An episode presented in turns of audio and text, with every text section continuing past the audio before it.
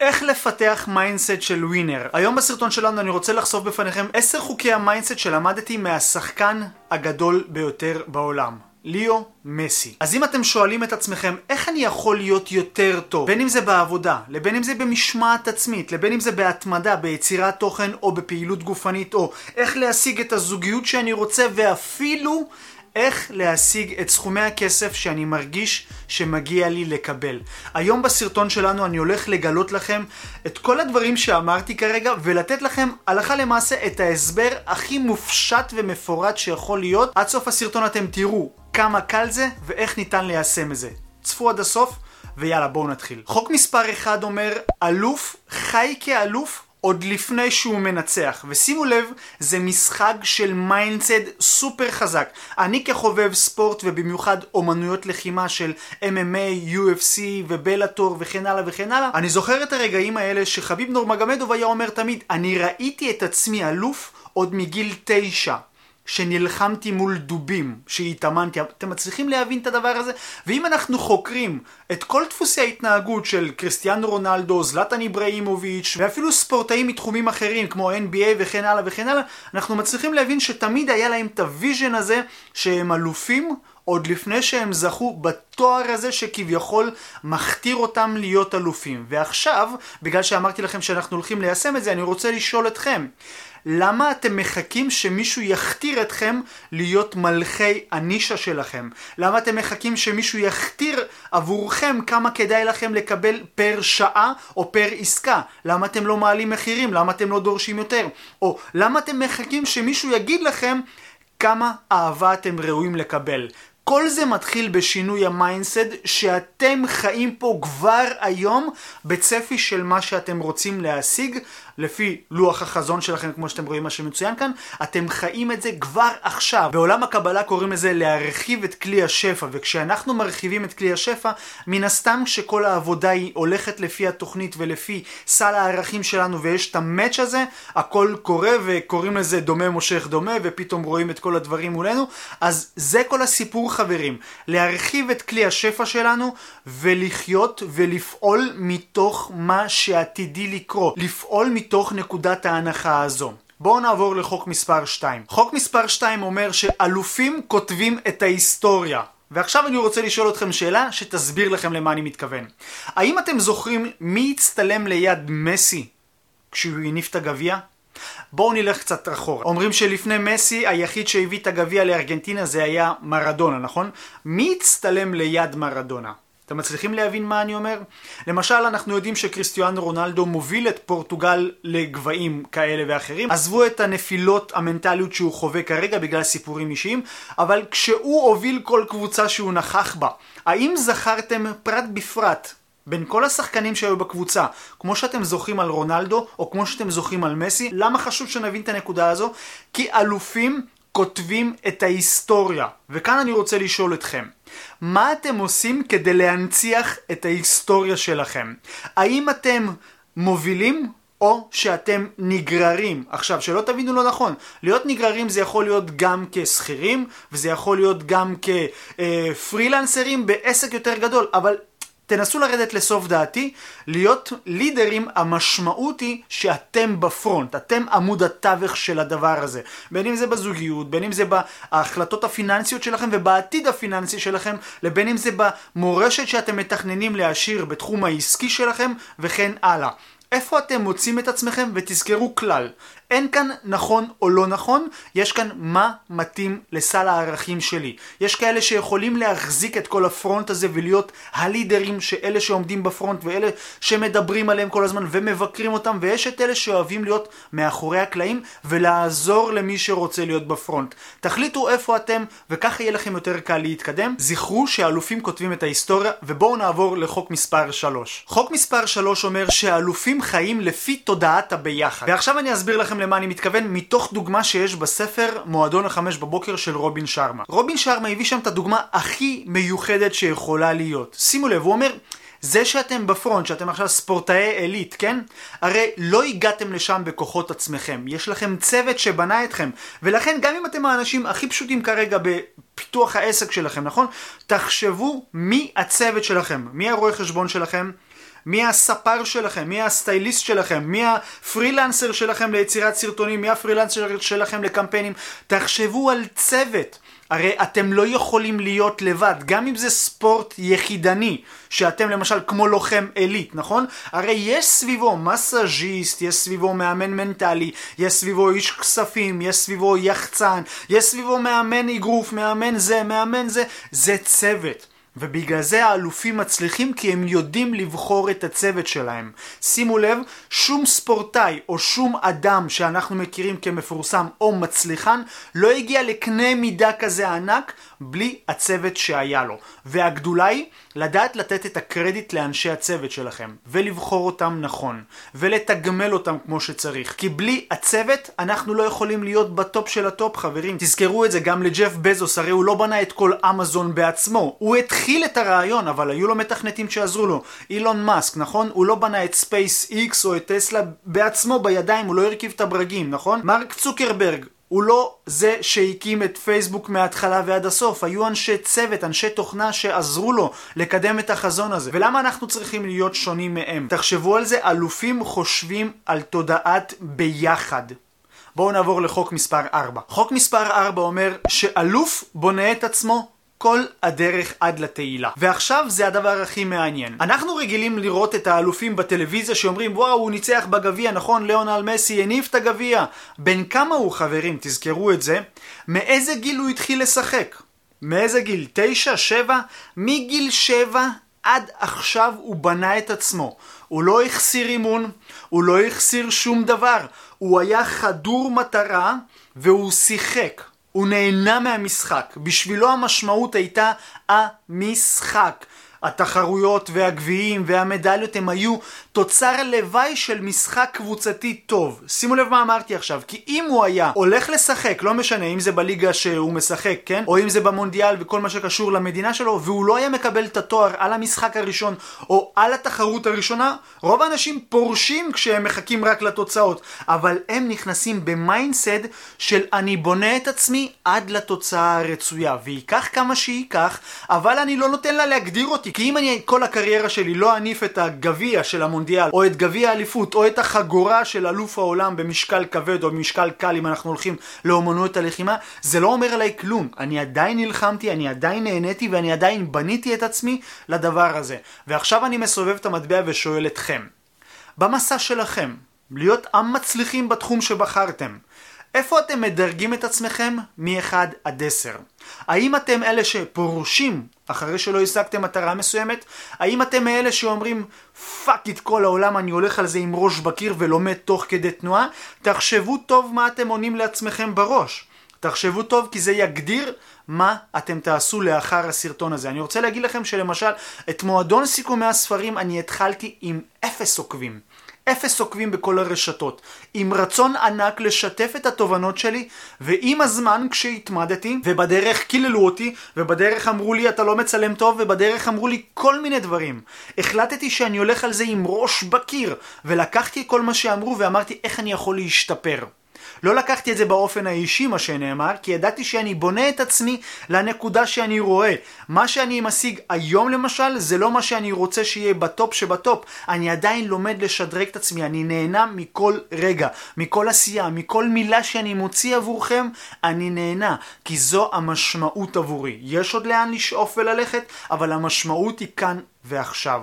ואני רוצה שתחשבו איפה זה פוגש אתכם בחיים שלכם, ובואו נעבור לחוק הבא. חוק מספר 5 אומר שהניצחון או ההפסד לא מגדירים את האלוף בשום מצב, כי אלוף חי בתודעה שהוא אלוף, וזה מחזיר אותנו לחוק מספר 1. אלוף חי בתודעה שהוא אלוף. בלי קשר למדליה, בלי קשר לכלום. זה mindset, חברים. כי כשאנחנו ב mindset כזה, שום דבר לא יכול עלינו, ושום כישלון זמני, או שמישהו יצקצק עליכם ויגיד אתה לא ראוי לזה, לא מגיע לך, ואין לך כסף, ואתה לא מהשכונה, ולא מהמשפחה, ואתה לא יכול להקים עסק, ואין לך תקציבים, והזוגיות שלך היא ככה, ולא מגיע, וכל הסיפורים שאנחנו שומעים, נכון? אנחנו שומעים המון דברים כאלה. שום דבר לא מגדיר אותנו בתנאי שאנחנו מאמצים את הגישה של mindset של אלופים. שימו לב טוב מה אמרתי עכשיו. לאמץ את הגישה הזו ולקחת אותה ולחיות אותה ביום יום. כי אלוף בתכלס הוא אלוף עוד לפני שהוא קיבל את התואר או את המדליה או את הגביע. יאללה, בואו נעבור לחוק מספר 6. חוק מספר 6 אומר, אלוף יודע לקבל את ההפסד. ועכשיו אתם שואלים, רגע, רגע, רגע, הוא אלוף, איך הוא יכול לקבל את ההפסד? שימו לב מה אני אומר לכם עכשיו, כי זה חוק מנטלי מאוד חזק. זה שאני מקבל את ההפסד, זה לא אומר שאני משלים איתו באופן שהוא מגדיר אותי ואיך אני אמור להתנהג. ואני אתן לכם דוגמה שאני שם לב אליה. אם אתם שואלים למה אני אוהב את הספורט של אומנות הלחימה ודברים כאלה, כי אני אוהב לפענח ולפצח דפוסי התנהגות אנושיים, ומה מגדיר אותם כאלופים ב mindset שלהם. שימו לב, לצורך העניין שמכריזים על המנצח בקרב, איך המנצח עומד, נכון? הוא מניף את היד ואומר, אני מלך העולם, נכון? הם צועקים, עושים סלטות חלק. איך המפסיד מתנהג? שימו לב טוב, אני, אני עכשיו דוחף אתכם לצפות באיזשהו קרב, רק להכרזה אם אתם לא אוהבים קרבות אלימות. תקראו רק את ההכרזה על האלוף ועל המפסיד. המפסיד ברוב הפעמים מוריד את הראש כלפי מטה ומשמיט את הכתפיים כלפי פנימה והולך ככה כאילו אין לו חשק לעולם. עכשיו שימו לב שזה מיינסד. אלה שמורידים את הכתפיים ומורידים את הראש, יכול להיות שהם מתבאסים כי הם השקיעו הרבה זמן ומאמץ וכסף על הקרב הזה ולא השיגו את מה שהם רוצים, אבל מצד שני, למה אתם מורידים את הראש? הבאתם את המקסימום שיכולתם כרגע, נלחמתם, התאמנתם, הבאתם כאן את הזהב שלכם, את המתנה שלכם לעולם, היא לא אומרת עליכם כלום. ואם היא אומרת עליכם משהו ואימצתם את מה שהיא אומרת כביכול כלא טוב, אתם תפרשו ברוב הפעמים, וזה מה שאני רואה עם המון אנשים שרוצים לפתוח ערוץ יוטיוב, להתחיל לעשות מכירות, להתחיל אה, לפתוח עסק או כל דבר כזה או אחר. הם נותנים לחוויה של כביכול הכישלון הזמני הזה להגדיר אותם. אבל תזכרו, אנחנו בונים את הסטנדרט של איך נראה סיפור החיים שלנו. ולכן, אנחנו בוחרים מה מגדיר אותנו ומה לא, מה נכון עבורנו ומה לא, וזה שמשהו עבד למישהו אחר לא בהכרח שיעבוד עבורנו, וזה שמישהו הצליח לא בהכרח שאנחנו נצליח עם אותה שיטה. אנחנו בונים את תסריט החיים שלנו בכל החלטה שאנחנו מקבלים, בכל שנייה ושנייה בחיים. וכאן אני רוצה לשאול אתכם, מה ההחלטה שאתם מקבלים עכשיו? לקבל את ההפסד ולחיות לפי דפוסי התנהגות של לוזר? או לקבל את ההפסד ולאפשר לו לא להגדיר אתכם בכלל. שימו לב מה אמרתי עכשיו, ובואו נעבור לחוק מספר 7. חוק מספר 7 אומר שאלופים יודעים ליהנות מהצלחה. שימו לב, אני יודע שאחד הדברים שהרגילו אותנו מאז שאנחנו קטנים זה להיות ברוטינה. להיות ברוטינה של עשייה. זה לא מספיק טוב, תתאמץ יותר. זה לא מספיק טוב, תתאמץ יותר. וככה כשאנחנו גדלים ומתחילים להשיג תוצאות שהפרשנות שלהם יכול להיות אה, הכרה חברתית, הצלחה, סכומי כסף, אנחנו לא יודעים ליהנות מהדברים הקטנים. וכאן מה שאני בא להגיד לכם זה שאלופים יודעים ליהנות מההצלחות שלהם. הצלחתם במשהו קטן? תעצרו. תגידו תודה. תפנקו את עצמכם, כי הצלחתם. זה שצריך לעבוד וזה שצריך להשיג עוד זה ידוע. זה גם ככה יקרה למחרת, גם ככה יקרה בעוד שעה. כרגע הצלחתם, חוויתם הצלחה, תעצרו, תודו לבורא עולם, ותודו למי שליווה אתכם, ותיתנו לעצמכם איזשהו צ'ופר להרגיש שהצלחתם. בואו נחזור לדוגמה של ליאונל מסי. הרי הוא הניף את הגביע. הוא לא אמר, fuck על הגביע הזה, אני הולך להתאמן עוד קצת. הוא ידע לעצור, זה רגע החגיגה, עבדתי על זה שלושים ומשהו שנים, כן? אני עכשיו חוגג, אני יודע לעשות את ההפרדה בין מי שצריך להיות לבין מי שאני עכשיו. מי שצריך להיות תמיד צריך לעבוד ולשנן וללמוד וליישם ולהתאמן, ומי שאני עכשיו זה התוצאה שהשגתי. אוקיי? צריך ליהנות ממנה, צריך לדעת לתת לעצמנו גם את ההפסקונת הקטנה הזו. אז תזכרו, כי אנחנו עוברים לחוק מספר 8. חוק מספר 8 אומר את הדבר השנוי ביותר במחלוקת, ועכשיו יעלו לכם כמה אסוציאציות לגבי ספורטאים ולגבי אנשים מצליחים. אלופים אמיתיים לא נותנים להצלחה שלהם לטפס להם למוח. נקודה. ואם יש את הדוגמה הכי טובה שאני יכול לתת לכם בעניין הספורט, ובגלל זה אני מעריץ את הבן אדם הזה, זה חביב נור מגמדוב. בעיניי הוא השראה, והוא גם מופיע לי כאן בלוח החזון כבן אדם שהוא השראה, ואני אגיד לכם גם למה. הוא, אצלו כספורטאי, מילה זה מילה. קבוצה זה קבוצה, ערכי משפחה בין חברים, תמיכה ועזרה הדדית לכולם, שפה, שימו לב, שפה. כשכולם מדברים טרשטוק וקללות, הוא מדבר בכבוד והערצה. הוא תמיד ילחץ יד לספורטאים. זה ערכים של ספורטאי. וגם כשהוא זכה בקרב שלו ב-100 מיליון דולר, הוא לא עף על עצמו, הוא עדיין נוהג בטויוטה שלו. זה לא אומר שהוא לא צריך לקנות לעצמו את המרצדס או את הבוגדי או את הפורשה או משהו כזה, אבל שימו לב לערכי הבן אדם שהתהילה כביכול זה לא העיקר, זה התוצר לוואי. ומנגד, בעידן הספורט הזה שציינתי עכשיו, אתם יכולים לקחת דוגמאות של אנשים שזה עלה להם למוח והתהפכו על כל הקערה, וגם בספורט של הכדורגל ובכל ספורט אחר, ואם ניקח את זה להצלחות בכללי, אתם תצליחו לראות שהרבה אנשים שהגיעו לפיק שלהם, ראו פתאום סכומי כסף מאוד גדולים, והתחילו לשים פיפס על העולם, ולזלזל בכל העשייה, גם בעולם המוזיקה רואים את זה, ובכל מקום. ולכן אני אומר לכם חברים, תדעו מאיפה באתם, ולאן אתם הולכים. לא סתם זה נאמר אצלנו במקורות, דע מאין באת ובפני מי אתה עומד לתת דין. זכרו את הדבר הזה, כי רק ככה אנחנו יכולים להישאר מאופסים ולהיות בקו הזה. בקו הזה שזה אנחנו, בערכים שלנו. לא משנה הכסף, לא משנה התהילה, לא משנה ההצלחה, לא משנה העשייה. אני עם הערכים שבחרתי לחיות איתם בעולם, אני הולך איתם. הכסף יבוא מצוין. התהילה תבוא מצוין. ההצלחה תבוא מצוין, אבל אני נשאר אני. זה ה mindset שאני רוצה שאתם תסגלו לעצמכם. כי רק ככה אתם יכולים להישאר נאמנים למקור שלכם. בואו נעבור לחוק מספר 9. חוק מספר 9 אומר, אלופים מתרגלים מדי יום באופן תמידי, כל הזמן. ואם אתם שואלים למה, אני רוצה להסביר לכם את הדבר הכי פשוט שיש כאן, ותכף אני אביא לכם גם דוגמה עליי. בשביל להיות אלוף זה לא רק לעלות למגרש, בשביל להיות אלוף זה פה בראש קודם כל, נכון? זה ה mindset, זה בחוויה, זה בערך העצמי שלנו כלפי עצמנו. ואז כמובן זה בא לידי ביטוי בתחום שבחרנו להיות בו אלופים, למשל מסי בכדורגל, אה, חביב כמו שציינתי מקודם בקרבות שלו, אוקיי? אבל זה בא עם משמעת עצמית כלפי עצמי, להעריך את עצמי ולהבין שאני כאן חייב להיות במאה אחוז פה, פה, ואז במגרש, באימונים, במבחן התוצאה, כן, חייב להיות את כל המאץ' הזה, אבל אם אנחנו לוקחים את זה לעולם העסקים ולעולם ההצלחה ולכל מקום כזה או אחר, שימו לב שלמשל בשבילי הדבר שהיה הכי חשוב בכל מה שקשור ליצירת תוכן ולהפיק לכם סרטונים ליוטיוב, זה הייתה היכולת לדבר בפני מצלמה. כי בעיניי זה דבר שהוא היה על גבול הלא הגיוני עבורי, כי פחדתי מה יגידו עליי אנשים כשאני אתחיל להיות בפרונט. והדבר שהתחייבתי לעצמי זה להבין איך לעשות את זה הכי טוב, מי הדוגמאות שמהם אני יכול ללמוד ולמדל אותם, ותרגול יום יומי. חברים, אני לא מגזים איתכם, תרגול יום יומי. לפני שהחלטתי לשתף סרטון בכלל ברשת החברתית, אני במשך שנה שלמה צילמתי סרטונים ולא חשפתי אותם בפני אף אחד.